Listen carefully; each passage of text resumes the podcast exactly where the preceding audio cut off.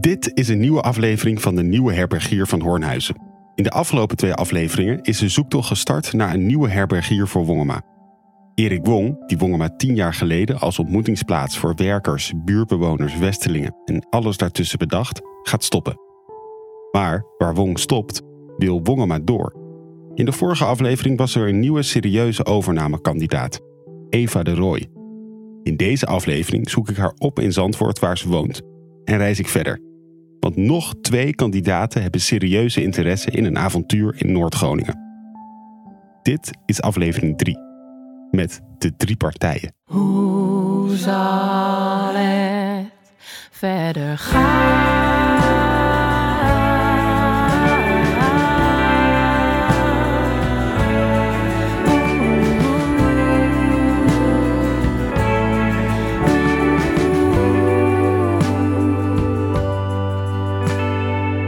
Laten we beginnen bij Eva. In de vorige aflevering leek het verhaal van deze podcast eigenlijk al klaar. De enthousiaste Eva de Rooij die meldde zich namelijk. Eva heeft in Amsterdam een plek opgezet, Villa Buitenlust. En die plek is eigenlijk een beetje Wongema. En dat is geen toeval, want Wongema was haar inspiratiebron. Dus dat klopt al heel erg. En ze is ook niet onbekend met de zakelijke kant van het runnen van een plek. Sinds een half jaar woont Eva in Zandvoort en op een winderige dag ontmoet ik haar in Strandtent Tijn. Want Eva heeft nieuws voor me. Dan moeten we misschien toch beginnen gewoon bij eh, de actualiteit. Want wat is de actualiteit? Ja, ik heb Erik gebeld om aan te geven dat ik het niet ging doen. Ga doen, ga doen. Uh, super moeilijk vond ik dat. Um, maar er is inderdaad heel veel veranderd. Vooral in mijn startpositie vanuit waar ik kwam. Ik uh, had het gevoel dat ik bij de villa niet kon gaan bereiken wat ik heel graag wilde. Uh, en Wongema kwam echt zo op een presenteerblaadje voorbij. Ja, ja. En ik dacht echt, wow, dit moeten we gaan doen. De enige twijfel die ik had, was dat ik het spannend zou vinden om het alleen te doen. En ja, uh, ja mijn netwerk en vrienden en familie allemaal hier zitten. En ik opeens dacht, oh, dat is misschien wel fair. Maar het hele idee Wongema uh, sprak me enorm aan. En wat er allemaal mogelijk was. Je was er ook. een keer geweest ook, hè? En ik was al een keer geweest. En nou, ik zag ook, zie heel veel mogelijkheden voor Wongema. Dus ik denk, eigenlijk, het was niet zo dat ik dacht, oh, het gaat me niet lukken. Of het wordt lastig daar, want dat denk ik niet. Ik denk dat het een heel groot uh, succes uh, kan Want wat worden. was je van plan in Wongema? Nou, wat ik eigenlijk een het kwam een beetje overheen met wat ik ook doe in Villa Buitenlust. En dat is omdat de twee plekken al heel erg op elkaar lijken. Nu al. Uh, wat ik meer had, is dat ik dacht, ik zou. Uh, want Erik haalt natuurlijk niet zelf zijn salaris eruit. En dat nee. zou uh, dan wel moeten. Is dat je meerdere inkomstenbronnen nodig hebt. Dus ik zou um, samen gaan werken met de gemeente. En gaan kijken of je iets via de WMO, vergoeding vanuit de gemeente.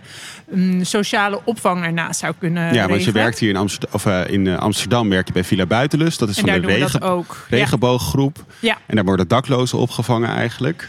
Ja, nou ja, Amsterdammers die een, een, een break uh, nodig hebben. Ja. En het kunnen ook mantelzorgers zijn. En toen dacht ik gewoon, nou, Hoornhuizen, daar zijn vast ook mantelzorgers. Ja. Ik zag dat er een, een logeeropvang uh, in Groningen stad uh, zat.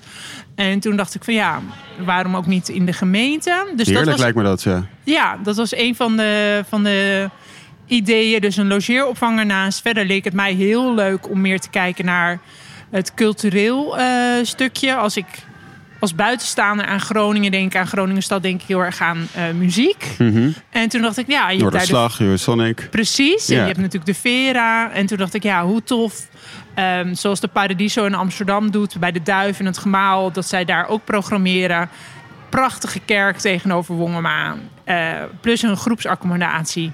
Kan je niet drie keer in het jaar of zo. Ja. Uh, Zomerconcerten of juist hele warme winterconcerten ja, geven. Ja. ja, precies. Dan zet je gewoon een vuurtje en glühwein buiten. Of je hebt een barbecue erbij en dat maakt niet uit. Weet je wel. Je kan daar denk ik heel leuk samen iets programmeren. En zou je er gaan wonen ook?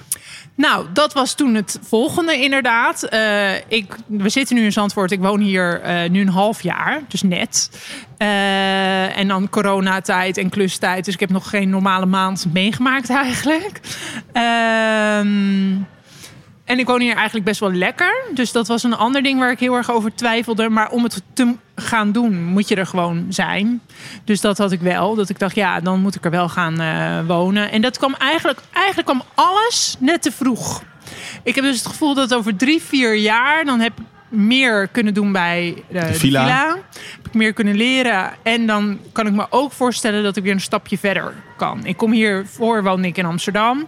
Zandvoort is dan voor mij al, was al een stap, zeg maar. Drie kwartier in de auto. En, ja, en, uh, en de stad uit, maar nog wel redelijk in de buurt. En ja, wie weet over drie, vier jaar uh, kan ik grotere stappen gaan maken.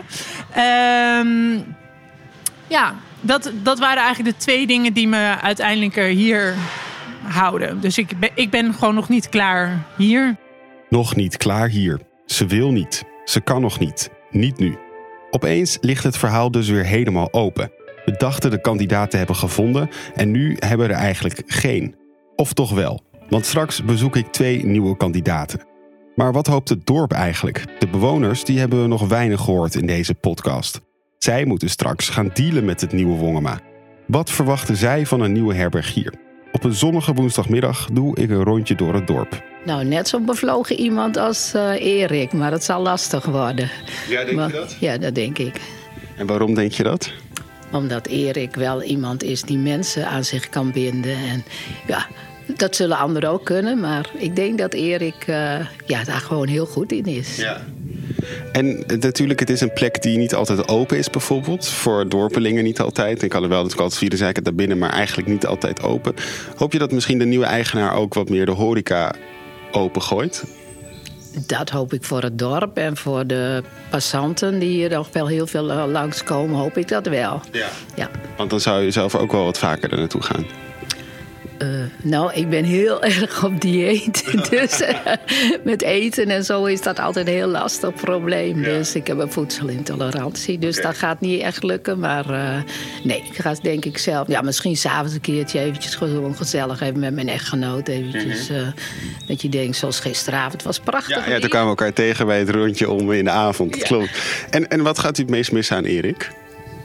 De, nou, dat die, uh, als er hier groepen waren en die een, een of ander project hadden. Bij, en dan uh, dat je daarheen kon en zo. Dus ik hoop dat als er opvolgers komen, die, die dat dan ook doen. Dat mensen met dor, uit dorp ook weten wat er allemaal gebeurt. Want ik denk dat er toch vrij veel mensen dat niet in de gaten hebben. Nou ja, ik, ik hoop dat het een partij wordt of dat het iemand wordt die. Uh, goh, een lastige vraag. Die in ieder geval dat, die, dat, die, dat het meer is dan alleen voor het dorp, maar ook voor omliggende dorpen of zelfs misschien ook wel daarbuiten. Dat mensen speciaal naar hier komen voor Wongema. En dat het ook, voor zover dat kan, zeven dagen in de week open is. Gewoon omdat het een leuke plek is waar je leuk kunt zitten of waar je kunt overnachten of waar je ijs van de boer kunt halen of de yoghurt van de boer of wat dan ook. Dat het dus en uh, een plek is waar uh, producten bij elkaar komen, bijvoorbeeld landelijke producten, maar ook waar je gewoon goed kunt zitten. Of waar je biertjes kunt drinken die... Uh... Want dat mist nu wel een beetje, dat die... Nou, ik, ik kom hier natuurlijk net wonen. Ik heb één keer in Wongema gezeten. Nee. Dus ik weet niet zo goed wat ik mis. Maar ik, ik hoop niet dat het weggaat. En ik hoop dat als het blijft, dat het uh, eigenlijk groter wordt. Dat het meer wordt dan het eigenlijk al was. Uh, Leontien, wat hoop jij dat er voor een nieuwe persoon in Wongema komt? Nou, ik hoop eigenlijk eenzelfde soort persoon als Erik, maar dan nou, iets minder gestrest. maar ja, wel een, uh, nou, gewoon een, een creatieveling, ja. Die, uh, nou, misschien uh, nog vaker open is. Al snap ik wel dat dat heel lastig is. Maar... Ja, want nu willen, zouden je wel eens vandaag een biertje willen drinken eigenlijk in de zon. Ja. Maar dan kan dat niet. Maar dan kan dat niet, nee. En Erik zou het vast wel willen, maar uh, nee, dus dat zou mooi zijn. Als Vinden jullie ook dat de, nieuwe, dat de nieuwe eigenaar wel in het dorp moet komen wonen? Vind ik wel, ja. Zeker weten, ja. Ik wil zeggen dat Erik het fantastisch heeft gedaan. En het zeer spijtig is dat hij ermee ophoudt. Alhoewel ook begrijpelijk. En uh, ik hoop ook inderdaad dat er eenzelfde uh soort persoon terugkomt. Die het uh, voort gaat zetten op de manier waarop Erik het is gestart. Zeven dagen in de week open. Ze moet hier komen wonen. Een creatieveling, minder gestrest dan Erik. De inwoners van Hoornhuizen hebben allemaal wel dezelfde mening over de nieuwe herbergier. Het moet vooral dus iemand zijn die zijn leven hiervoor wil omgooien. En dat kan zomaar eens de volgende kandidaat zijn. Ik reis af naar Utrecht, naar de Nobel Dwarsstraat, want daar zit een woongroep. En in die woongroep woont weer Sanne. En Sanne kent Wongema en Erik. En Sanne heeft een plan. Wongema met haar aan het roer. Ze wil het niet alleen doen en heeft twee vriendinnen enthousiast weten te maken voor haar idee. Lotte uit Amsterdam en een huisgenoot uit die woongroep, die vanwege haar huidige baan nog even anoniem wil blijven. Ehm, eh, nou, laten we hier beginnen aan de overkant. Wat dacht je toen jij het hoorde, toen Sanne dit idee? Nee, ja, we stonden hier letterlijk in de keuken, weet ik nog. En ehm, Sanne vertelde over gewoon een plek die dus vrij kwam. En ja, ik, ik denk dat Sanne eigenlijk een beetje haar dromen vertelde bij de plek. Van hoe ze dat dan voor zich zag. En met koken en grote groepen en zo. En ik zei eigenlijk meteen, ik wil ook mee. Ik wil ook gaan kijken of ik wil ook uh, aangehaakt blijven. En toen hebben we eigenlijk volgens mij direct een, uh, een datum geprikt om langs te gaan. En uh, ja, daar kwam ook toen Lotte om de hoek. En toen zaten we ineens in de race. Ja. Waren jullie verliefd opeens? Ja. Ja, want wat, Lotte, wat was het eerste? Je kwam aanrijden in Hoornhuizen. Was je er al wel eens geweest? Het was de eerste keer. Nee, ik ben één keer eerder geweest. Je bent één keer eerder geweest. En nu voor de tweede keer terugkwam met een andere blik. Van nou, dit kan zomaar eens onze spot worden. Wat dacht je toen? Ja, nou, ik was in eerste instantie een klein beetje vergeten hoe het er ook alweer uitzag. Dus het was voor mij een goede om even een soort verfrissende blik daar weer op te hebben en naartoe te gaan. En uh, ja, een soort rust of zo valt gewoon als een deken over je heen. En ik vond het een heel mooi pand van buiten. Um, ja, dit, dit, het ademt gewoon van, nou, kom gezellig binnen, kom een kijkje nemen. En van binnen is het juist weer heel warm. Dus die koelte buiten en die harde wind. Er stond een hele harde wind uh, die dag. Dat was weer een heel mooi contrast met hoe het binnen voelde eigenlijk. Ja. En dus een paar nieuwe meiden. Dus uh, ja, was Want, want uh, jij kende Sanne ja. en jullie kenden elkaar nog niet. Dus Sanne, jij hebt eigenlijk mensen lekker gemaakt voor jouw idee.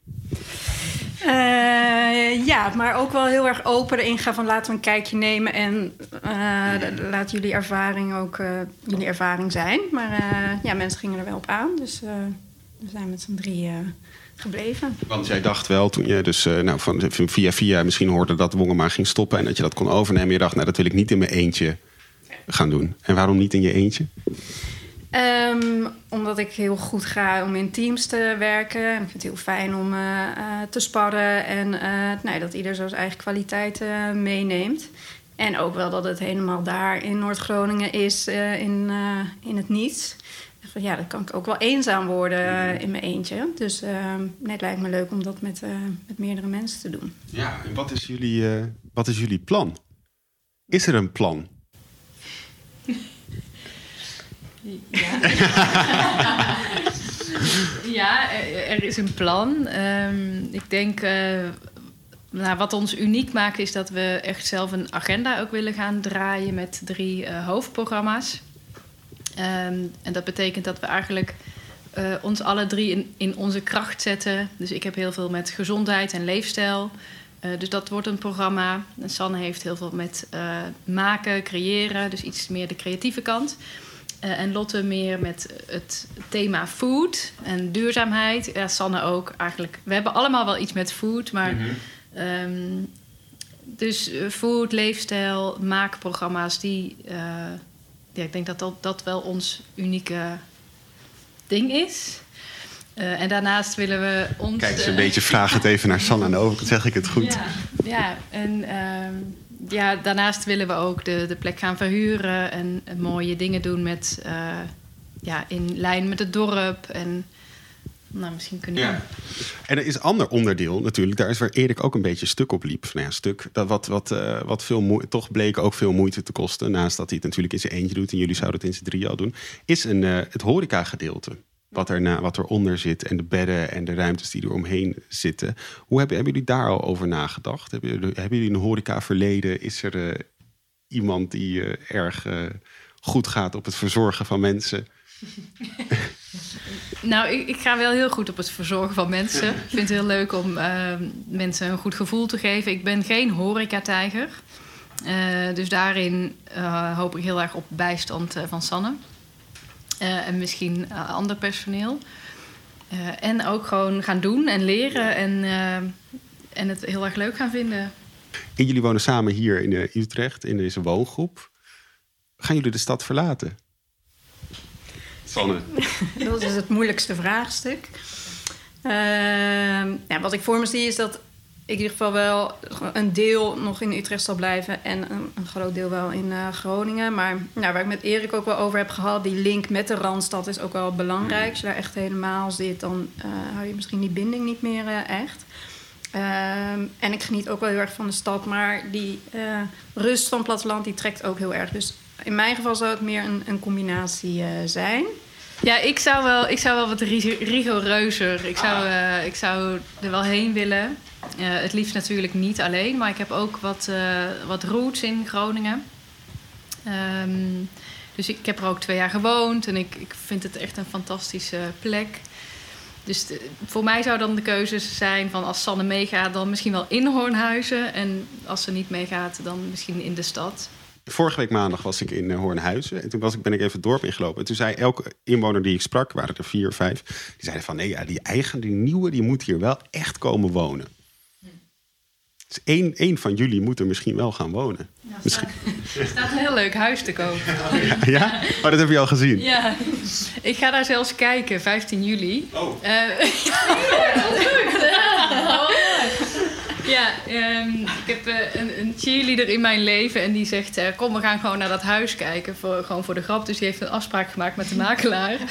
Eh, dus we gaan naar dat huis kijken. Het is, een, het is eigenlijk een koopje, natuurlijk, maar natuurlijk te duur voor mijzelf om het te kopen. Eh, maar dat zou wel. eh, Welk nummer is het? ja, wat is het? Ja, Het zit echt eh, tegenover uh, Worma. Ja, ja. Er is maar één straat natuurlijk. Ja, ja, dat is- daarom vroeg ik al naar het nummer. Ik dacht, ja, het kan toch maar één straat zijn. 35 of zo? Zo. Ja, ja. Financier. Ja, want eh, natuurlijk, er komt misschien ook wel wat... eh van, nee, ze gaan nu proberen de plek te kopen met eh, de boeren eromheen natuurlijk. Dus de stenen zijn eh, veiliggesteld misschien wel. Maar de, verder zijn natuurlijk misschien wel andere kosten aan verbonden.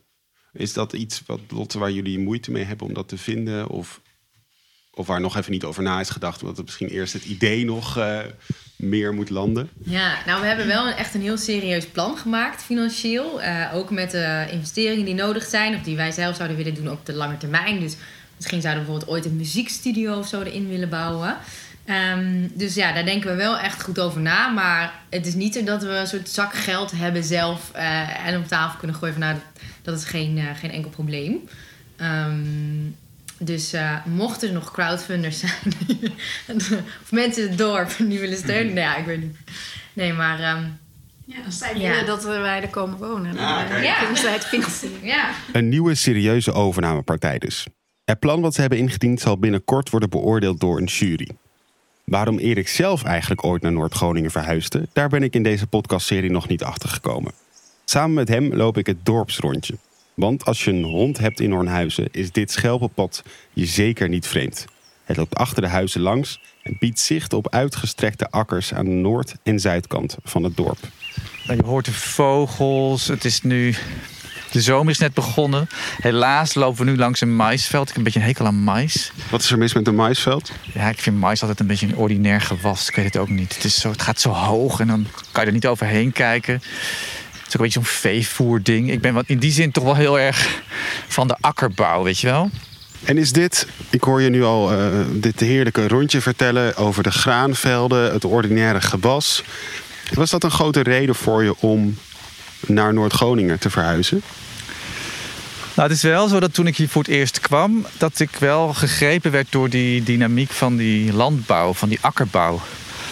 Want ik was hier eh, om een boek te maken voor een vriend van mij. Dus ik kwa- kwam hier een voorjaar en een zomer best intensief. Niet elk weekend, maar bijna elk weekend was ik hier. En dan zag je dus vanuit die winter dat land langzaam ontwaken. En dan gaan de boeren zaaien en dan gaan die gewassen groeien. En dan in de loop van de zomer gaat dat graan, wordt dan geoogst. Ja, dat is gewoon heel bijbels tafereel. En ik, ik weet niet, ik hou daar gewoon van. Dus ik viel Wist je dat? als. Hield je daar altijd al van? Of kwam je erachter toen je hier dat boek ging maken? Nou, dat was een beetje een combinatie dat- van een soort nostalgie. Want ik kom uit Een dorp waarbij ik opgroeide aan de rand van het weiland. Dus het lager gelegen akkers waar de koeien, natte akkers waar de koeien graasden. Welk dorp is dat? Huizen in het Gooi. Het armste dorp van het Gooi, zeg ik dan altijd maar. Vissersdorp. En als kind speelde ik daar heel veel. Dus dat gevoel van Ja, ruimte. is je niet onbekend. Nee, dus dat kwam weer een beetje terug. Dat verlangen naar de ruimte en dat je de, de ruimte en het landschap in kan lopen. Dat heb je in de stad natuurlijk helemaal niet. Nee, want je woonde in Amsterdam. en Je bent docent op de Rietveld Academie. Ook nog veel andere dingen daarnaast. Ehm, Nou, ik heb altijd een ontwerpstudio gehad en ik gaf les. Maar dat werk speelde zich altijd af in de stad. Dus dat lesgeven is in de stad, studenten wonen in de stad. Kan je nog die eerste keer wakker worden omschrijven dat je er echt woonde? Dat je je slaapkamer uitkwam. Die totale stilte die we nu als we... Dit is eigenlijk altijd er. Wat voor gevoel nou, dat viel was er toen? heel erg tegen die stilte. Want wij wonen op een kruispunt, zoals je weet. En het verkeer wat daar langskomt, ook het landbouwverkeer... en al die aardappelvrachtauto's en die, en die toeleveranciers voor die boeren... Dat Het leek gewoon de Kinkerstraat is een- eigenlijk. Het is een soort kinkerstraat, maar dan op het platteland, ja. Dus dat viel tegen. Dat viel in het begin eigenlijk behoorlijk tegen, ja. Want als je op de kaart kijkt, denk je... oh, dat dorp ligt totaal uit de route. Goed, nu tien jaar later lopen we een rondje rond de kerk. En je- zit je er nog steeds. Wat heeft je, gehou- wat heeft je hier gehouden? Naast Wongema. Nou, eigenlijk vooral ook Wongema, maar ook het feit dat ik... Weet je, er speelden allemaal dingen tegelijkertijd. Ik vond die ruimte fijn, dat landschap. Ik wilde weer dat groen voelen. En als je... Nou, we hebben hier zelfs scooters. De, de zee opkijkt, dan kijk je eigenlijk een beetje naar IJsland. Ja. Zo door de Waddeneilanden En, dat, en door. de- dat, dat oneindige. Ja, dat vind ik dan heel spannend op een of andere manier. Van, Ja, eh, dat is waar, natuurlijk een waar blik- iets ophoudt en iets anders begint, daar is altijd iets, iets te doen of zo. Mel! Mel! Oh, Mel heeft even een aanvaring met de plaatselijke kat. Het gaat niet je vriendje worden. Kom, we gaan door. We moeten door. Mel! Laat je niet gek maken. En jij zelf, Erik. Ehm, je, je zegt je komt uit Huizen. Op welke leeftijd eh, ben je naar de stad vertrokken? Meteen eh, toen het kon? Nou, meteen toen ik het kon, ben ik uit huis gegaan op mijn achttiende, na mijn eindexamen, middelbare school. Maar toen ben ik niet naar Amsterdam gegaan, want dat vond ik allemaal nog een beetje te eng. Toen ben ik naar eh, Deventer gegaan. Dus heb ik vier jaar in Deventer milieukunde gedaan. En dat was. Ja, dat was eigenlijk een prima beslissing, want dat, dat was een hele overzichtelijke stad. Een studentenstad was dat toen nog. Nu is het allemaal volgens mij naar Zwolle verhuisd, al die opleidingen. En het was heel gezellig. En ik heb daar een fantastische vier jaar studententijd gehad. Kon je, de, je kon daar zelf ook beter nog tot ontwikkeling komen? Hoe bedoel je dat? Nou, gewoon eh, je eigen Erik ontwikkelen. Ja, nee, maar dat was ook wel nodig ook. Want ik heb heel veel uitgesteld. Ik dacht, nou, die middelbare school, die kom ik wel door. En als ik dan uit huis ga, dan ga ik maar eens aan die eh, seksuele eh, ontwikkeling werken. Want ik wist het al lang dat ik homo was. Maar ik vond het toch moeilijk om daar ja, tijdens die middelbare school iets mee te doen. Dus ik denk, En wat gebeurde wat, wat, toen je dat eenmaal toeliet? Nou, dat was eigenlijk fantastisch. Want het heeft nog best lang geduurd. Het heeft wel een jaar geduurd voordat ik daar echt iets mee ging doen. En notabene ben ik toen, omdat ik er zo over zeurde tegen een vriend van mij met wie ik op kamers woonde. Een super hetero. Die zei van, nou, nou ben ik zo dat gezeur zat over wie je bent en wat je wil. We gaan samen naar het COC. Dus toen zijn we samen een avond naar een filmavond gegaan. Zo lief van hem dat hij dat heeft gedaan.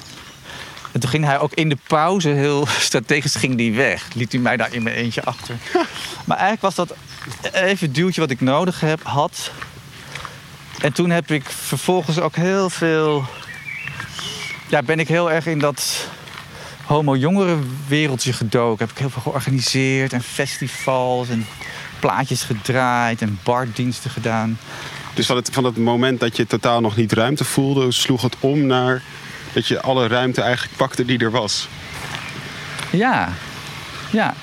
En daarna was, dat, was Deventer ook echt te klein voor me. Dus toen ben ik lekker naar Amsterdam gegaan. Nou, dat heb je tig jaren gedaan in Amsterdam. Toen- ging je naar Hoornhuizen, naar Noord-Groningen. En kon je hier ook meteen jezelf zijn? Ja, maar dat, als, kijk, als je in de 40 bent, dan heb je niet meer zoveel problemen om te, te zijn wie je bent, toch? Ja, dat weet jij niet, maar... Nee, ik ben nog geen 40, nee. Het gekke is dat ik me hier in Groningen altijd heel welkom heb gevoeld. Omdat het is, het is een soort mengeling van super pragmatische mensen. Geen gedoe, geen woord te veel. Heel eerlijk en recht door zee. Maar ook zoiets van, joh, eh, wat jij doet moet jij weten. Wat ik doe, dat moet ik weten. Eh, iedereen heeft heel veel ruimte om zijn ding te doen. Ja, goed om te weten dat Erik niet van plan is Hoornhuizen te verlaten. Het is duidelijk dat het dorp hem dierbaar is. De laatste nieuwe kandidaat heeft in ieder geval één voordeel. Het is een Groninger, woont in Groningen stad en is opgegroeid op het Hoge Land, niet ver van Wongema. Op zijn niet-elektrische fiets is hij met enige tegenwind naar Hoornhuizen gefietst. Ik kom oorspronkelijk uit, eh, uit Friesland. En eh, de rest van mijn gezin heeft wel een eh, enige roots hier vlakbij. En, eh, uit het gat uh, Mensingenweer daar zijn mijn beide broers en zus geboren. Dat is hier net even om de hoek. En ehm, dus ik, ik, ik ken zeker de omgeving wel. Zelf in, in Drachteren opgegroeid. Eh, kort gestudeerd in Groningen. Ehm, wat omzwervingen gemaakt door Italië en, en, en Oostenrijk. wat, wat heb je gestudeerd in Groningen? Een hotelschool heb ik gedaan. En eh, daar heb ik veel in de horeca gewerkt toen altijd. Ehm, toen ik daar wegging, ben ik naar Italië gegaan. eh, kort eh, even in Oostenrijk gezeten. Allemaal horeca? Of? Nee, in, in Italië ehm, eh, Italiaans gestudeerd en eh, Engelse les gegeven. In Oostenrijk wel in, een- in een hotel gewerkt.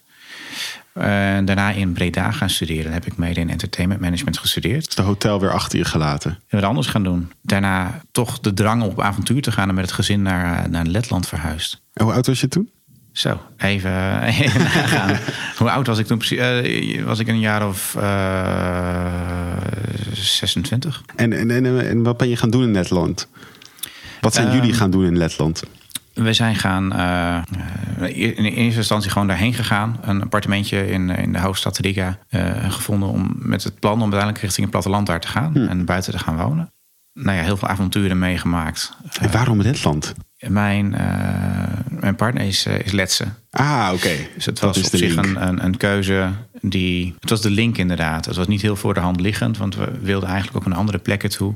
Maar hadden simpelweg er gewoon eh, ja, de centen nog niet voor. En Letland was gewoon een, een, een redelijk veilige optie om dan toch... Een goed beginland om... ja, om dingen te gaan doen. Nou ja, het, het, bleek uiteindelijk toch na vier jaar mooi avontuur... lastig om daar voldoende is het zo'n te ik, verdienen. vertrek- is het zo'n ik vertrek verhaal? Een beetje wel misschien. Aan het einde van de vier jaar, die vier jaar die we daar zaten, de balans opmakend, was het van of nu eh, op een houtje blijven bijten. Ja, zagen we toch niet echt, eh, echt die stip aan de horizon van daar gaan we dan heen. Ehm, zijn we toch teruggegaan naar Nederland. En ehm, is naar Groningen stad. Dus daar wonen we nu. En ehm, ja, ik ben eh, toch altijd wel geneigd om toch de- het buiten op te zoeken. Ja. Dus dit, ja, dit wordt mijn eh, nieuwe hoofdstuk hopelijk. Dit wordt jouw nieuwe hoofdstuk, maar ik hoor, Simon, aan alles dat jij helemaal niet eh, lang op één plek kan zitten. Ja, daar lijkt het wel op, hè? Ja. Ja. maar daar ben ik nou juist echt naar op zoek. Naar die plek waar ik kan aarden. En ehm dat altijd met het, met het gezin gedaan. En mijn partner Maya is heel erg eh, toch, toch wel stads. En ja, voelt zich niet echt thuis op het platteland. Te stil. Te stil, ehm, voor haar te weinig aanspraak. En dat, eh, ja, dat drijft ons uiteindelijk ook wel wat uit elkaar. Dus eh, we gaan ook ieder onze eigen weg nu. En eh, we hebben wel een zoon van tien. En op deze manier zouden we dan, zouden we toch nog heel mooi dicht bij elkaar wonen. Ja. Dan kunnen we allebei doen wat we graag willen. Gaan. Ja, want je hebt hem bezig met een plan nu. Dat ben je aan het schrijven. Kan je een tipje van de sluier oplichten van wat je ideeën zijn? Ehm, heel erg de verbinding met de omgeving aangaan. Ehm, er ligt nog heel veel potentieel voor ehm, eh, waar Erik is gestart om ook door te zetten om meer mensen en bekendheid in, in, in Groningen stad ook te creëren. Het netwerk daar ook te gebruiken. Dus in die zin wat, dat wat uitbreiden. Ehm, verder met echt de omgeving, als, hè, de dorpen hieromheen. Dus iets meer het cultuur nog eh, erin hier inbrengen. Ja, en met name in de omgeving denk ik nog, iets- nog ietsjes meer. Ehm, als plek om het aan te jagen. En, zou je, en dan kom je er ook wonen. Ja. Ja. Ja, zeker. Simon heeft er zin in en wil er komen wonen. Dat is een groot voordeel. Ook zijn plan zal worden voorgelegd aan de jury en wordt dus vervolgd. Deze aflevering moest eigenlijk hoopvol eindigen, want we hebben twee nieuwe kandidaten en twee interessante nieuwe plannen voor de plek. Totdat ik een mailtje kreeg van Erik dit weekend. Ja, nou, er is eh, paniek in de tent, want eh, de eigenaar van het pand die eh, heeft besloten om deze week, dus komende week, het pand in de algemene verkoop te zetten. En ja, als ze dat doen, dan ondermijnt dat natuurlijk onze hele mooie programma om te zoeken naar een nieuwe herbergier en om het pand zelf te verwerven. Dus die crowdfunding die loopt. eh, we gaan komende week eh, een besluit nemen over wie de nieuwe herbergier wordt op basis van plannen die ze hebben ingediend. En ineens doorkruist DDF, de eigenaar, dat al die plannen om te zeggen van huppakee, het duurt ons allemaal te lang. We gooien het pand op de markt, want we willen er vanaf. Of het pand in de verkoop is gegaan, dat hoor je in aflevering 4. Wordt het verliezen of houden? De plek waar we samen verbleven. Wat als alles verandert? Hoe zal het verder gaan? gaan? Dit was aflevering 3 van de nieuwe herbergier van Hoornhuizen. De muziek die je hoorde is van Tamar en Gijs. Editing Joep Wiertz. Redactie Erik Wong. Presentatie Stefan Komduur. Deze podcast is tot stand gekomen door een bijdrage van Stichting Doen.